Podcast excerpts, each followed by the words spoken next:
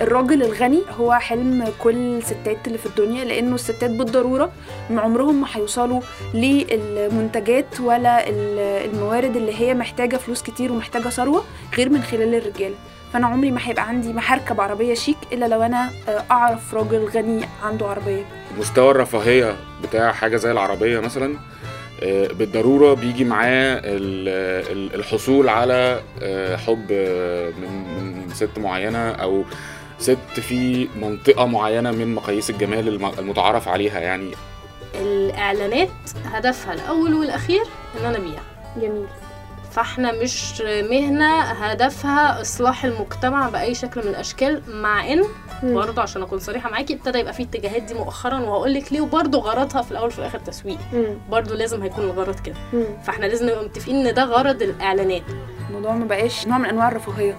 ده ليه علاقة بواقع آه، بيترجم لعنف وبيترجم لظلم كل يوم.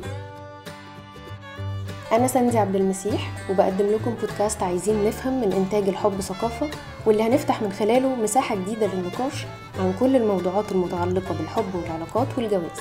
تابعوا حلقات الموسم الأول من بودكاست عايزين نفهم وشاركونا آرائكم وتقييمكم للحلقات اللي هتلاقوها متوفرة على كل منصات البودكاست.